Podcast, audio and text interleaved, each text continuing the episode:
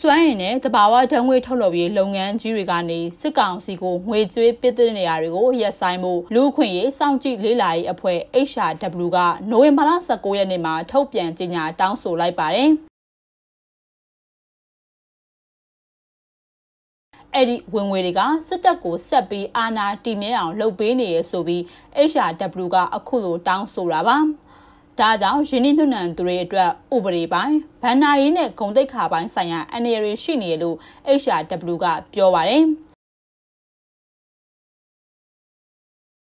စစ်တပ်ကအာဏာသိမ်းတာကိုစန့်ကျင်ဆန္ဒပြတဲ့သူတွေကိုရဲရဲဆက်ဆက်နှိမ်နင်းတဲ့နေရာမှာလူသားတို့ပေါ်ကျူးလွန်တဲ့ရာဇဝတ်မှုလူတက်မှုညှဉ်းပန်းနှိပ်စက်မှုဆရာဇဝတ်မှုတွေနဲ့ဆက်နွယ်နေရလို့လည်း HRW ကဖော်ပြပါတယ် အဓိကအနေနဲ့တထုထုတ်လုပ်ရေးနဲ့တဘာဝဓာတ်ငွေဝင်ငွေတွေကအာဏာသိမ်းစစ်ကောင်စီရဲ့နိုင်ငံခြားတိုင်းပြည်တွေမှာရှိတဲ့ဘဏ်စင်းတွေကိုဝင်နေရလို့ဆိုပါတယ်ဒါကြောင့်ဒီဝင်ငွေစစ်စစ်မှုတွေကိုပိတ်ဆို့ဖို့အတွက် HRW ကတောင်းဆိုတာလည်းဖြစ်ပါတယ်။ထုတ်လုပ်တာကိုရပ်ဆိုင်းဖို့အတွက်တောင်းဆိုတာမဟုတ်ပဲစစ်ကောင်စီကိုပေးရမယ့်နိုင်ငံခြားငွေတွေကိုရပ်ဆိုင်းဖို့အတွက်တောင်းဆိုတာလည်းဖြစ်ပါတယ်။ Total Energy, Chevron, PTT နဲ့သူ့ရဲ့လက်ခွဲတွေဖြစ်တဲ့ PTT EP, POSCO တို့ဟာစွမ်းဟင်တဲ့တဘာဝတန်ငွေထုတ်လုပ်တဲ့နေရာမှာပါဝင်နေကြပြီးအဲ့ဒီမှာအဓိကရင်းနှီးမြှုပ်နှံထားတဲ့ကုမ္ပဏီကြီးတွေကို HRW ဘက်ကစာရေးသားပေးဖို့တောင်းဆိုခဲ့ပေမဲ့ပြန်ကြားစာကိုတော့မရသေးဘူးလို့ HRW ကပြောဆိုပါတယ်။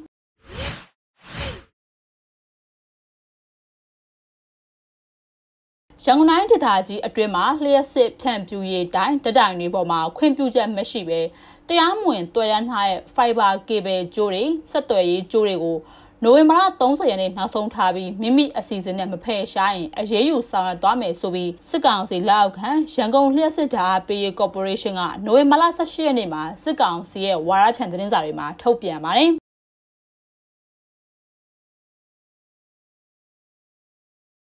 ထုတ်ပြန်ချက်ထဲမှာတော့ fiber cable ကြိုးတွေကိုခွင့်ပြုချက်မရှိဘဲ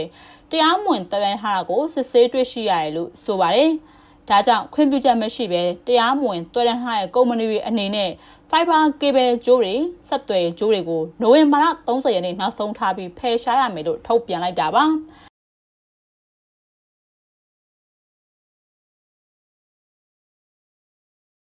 ရှားရှင်းလင်းတာမရှိတဲ့ fiber ဆက်သွယ်ရေးကြိုးတွေကို corporation ကဖျက်တောက်မှာဖြစ်ပြီးတရားမဝင်တွေ့ရန်ဆောင်ရွက်ခဲ့တဲ့ကုမ္ပဏီနဲ့အဖွဲ့အစည်းတွေကိုလည်းတည်ဆဲဥပဒေနေဥပဒေနဲ့အညီအရေးယူသွားမယ်လို့ထုတ်ပြန်လိုက်တာဖြစ်ပါတယ်။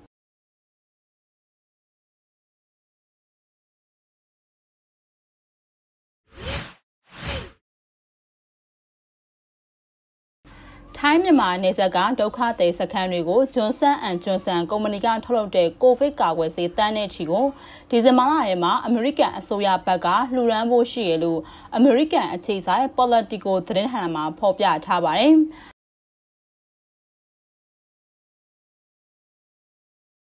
ဒါဟာပြိပခဖြစ်ပွားရာနေရာတွေကိုကိုဗစ်ကာကွယ်ဆေးလှူဒါန်းဖို့အတွက် တမရဘိုင်ဒန်အစိုးရကကတိပြုထားတဲ့အစီအစဉ်ရဲ့တစ်စိတ်တစ်ပိုင်းဖြစ်ပြီးလှူဒန်းမဲ့ဆေးတွေကိုတော့ကဘာတဝမ်းကိုကိုဗစ်ကာကွယ်ဆေးမျှမျှတတရရှိရင်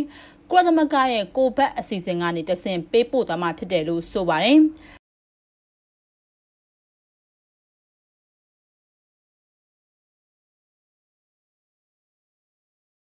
ကိုဗစ်ကာကွယ်ဆေးအများအပြားဟာထိုင်းမြန်မာနယ်စပ်ကဒုက္ခသည်စခန်းတွေမှာရှိတဲ့ လူပုဂ္ဂိုလ်တဦးချင်းစီအလိုက်ထိုးပေးသွားမှာလည်းဖြစ်ပါတယ်။ American အစိုးရဟာ Johnson & Johnson ကိုဗစ်ကာကွယ်ဆေးတွေကိုလှူဒါန်းမှာဖြစ်တယ်လို့ပြီးခဲ့တဲ့အပတ်တုန်းက American နိုင်ငံသားရေးဝန်ကြီးကကြေညာထားတယ်လို့ဝင်ဝင်နေတဲ့နိုင်ငံတွေနဲ့အသင့်အတက်မဲရှိတဲ့နိုင်ငံတွေကိုနိုင်ငံတကာကိုဗစ်ကာကွယ်ဆေးတွေလှူဒါန်းဖို့အတွက်တိုးမြင့်လှုပ်ဆောင်ကြဖို့ကိုလည်းတခြားနိုင်ငံတွေကိုလည်းတိုက်တွန်းထားတာလည်းဖြစ်ပါတယ်။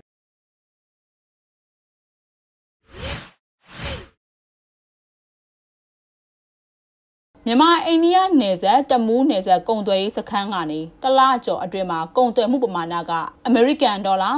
983သိန်းရရှိပြီးဒါဟာအရင်နှစ်ကာလတူမှာရရှိခဲ့တဲ့ကုန်သွယ်မှုပမာဏထက်ထက်ဝက်နီးပါးရော့ကျနေရလို့စစ်ကောင်စီလက်အောက်ခံစီးပွားကူးတန်းဝန်ကြီးဌာနကထုတ်ပြန်ထားတဲ့အချက်လက်တွေကနေသိရပါတယ်။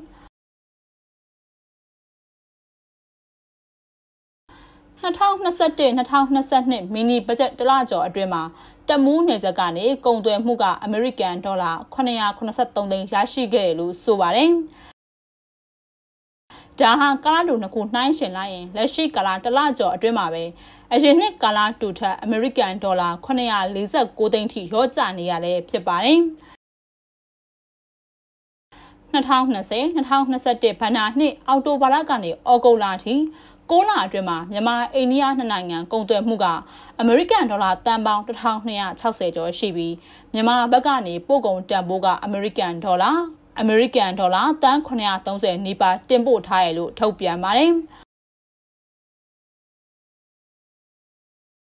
2020-2021ဘဏ္ဍာနှစ်ရဲ့အောက်တိုဘာလကနေဩဂုတ်လအထိတော့မြန်မာအိန္ဒိယကုန်သွယ်မှုမှာမြန်မာဘက်ကနေပို့ကုန်ကအမေရိကန်ဒေါ်လာ929.6ခွန်တစ်တန်အိန္ဒိယဘက်ကသွင်းကုန်တန်ဖိုးကအမေရိကန်ဒေါ်လာ935.1ခွန်6တန်နဲ့ကုန်သွယ်မှုပမာဏကအမေရိကန်ဒေါ်လာ1265.14ကိုတန်ရရှိခဲ့တယ်လို့ဆိုပါတယ်။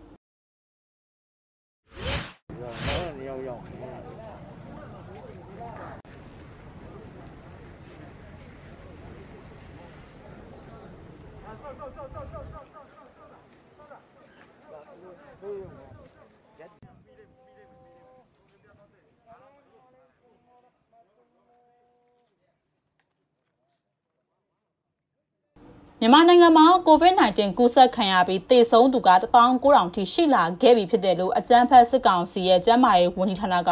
နိုဝင်ဘာလ19ရက်နေ့ညပိုင်းမှာထုတ်ပြန်လိုက်ပါတယ်။ထုတ်ပြန်ချက်ထဲမှာတော့ပြီးခဲ့တဲ့24နာရီအတွင်းမှာတခွဲနမူနာပေါင်း22,162ခုကိုစစ်ဆေးခဲ့တဲ့နေရာမှာကိုစမှုအသစ်အနေနဲ့624ယောက်တွေ့ရှိခဲ့တဲ့အတွက်လေပိုးတွေ့ရဂိုင်နှုန်းက2.82ရာခိုင်နှုန်းကျော်ရှိနေရလို့ဆိုပါတယ်။ ယောဂပြန်လည်ပျောက်ကင်းလာလို့စေယုံကဆင်းဝင်ရသူအရေအတွက်ကတော့1108ဦးရှိနေပြီးတရက်ထဲမှာတေဆုံးသူ17ယောက်ရှိခဲ့တယ်လို့ထုတ်ပြန်ပါတယ်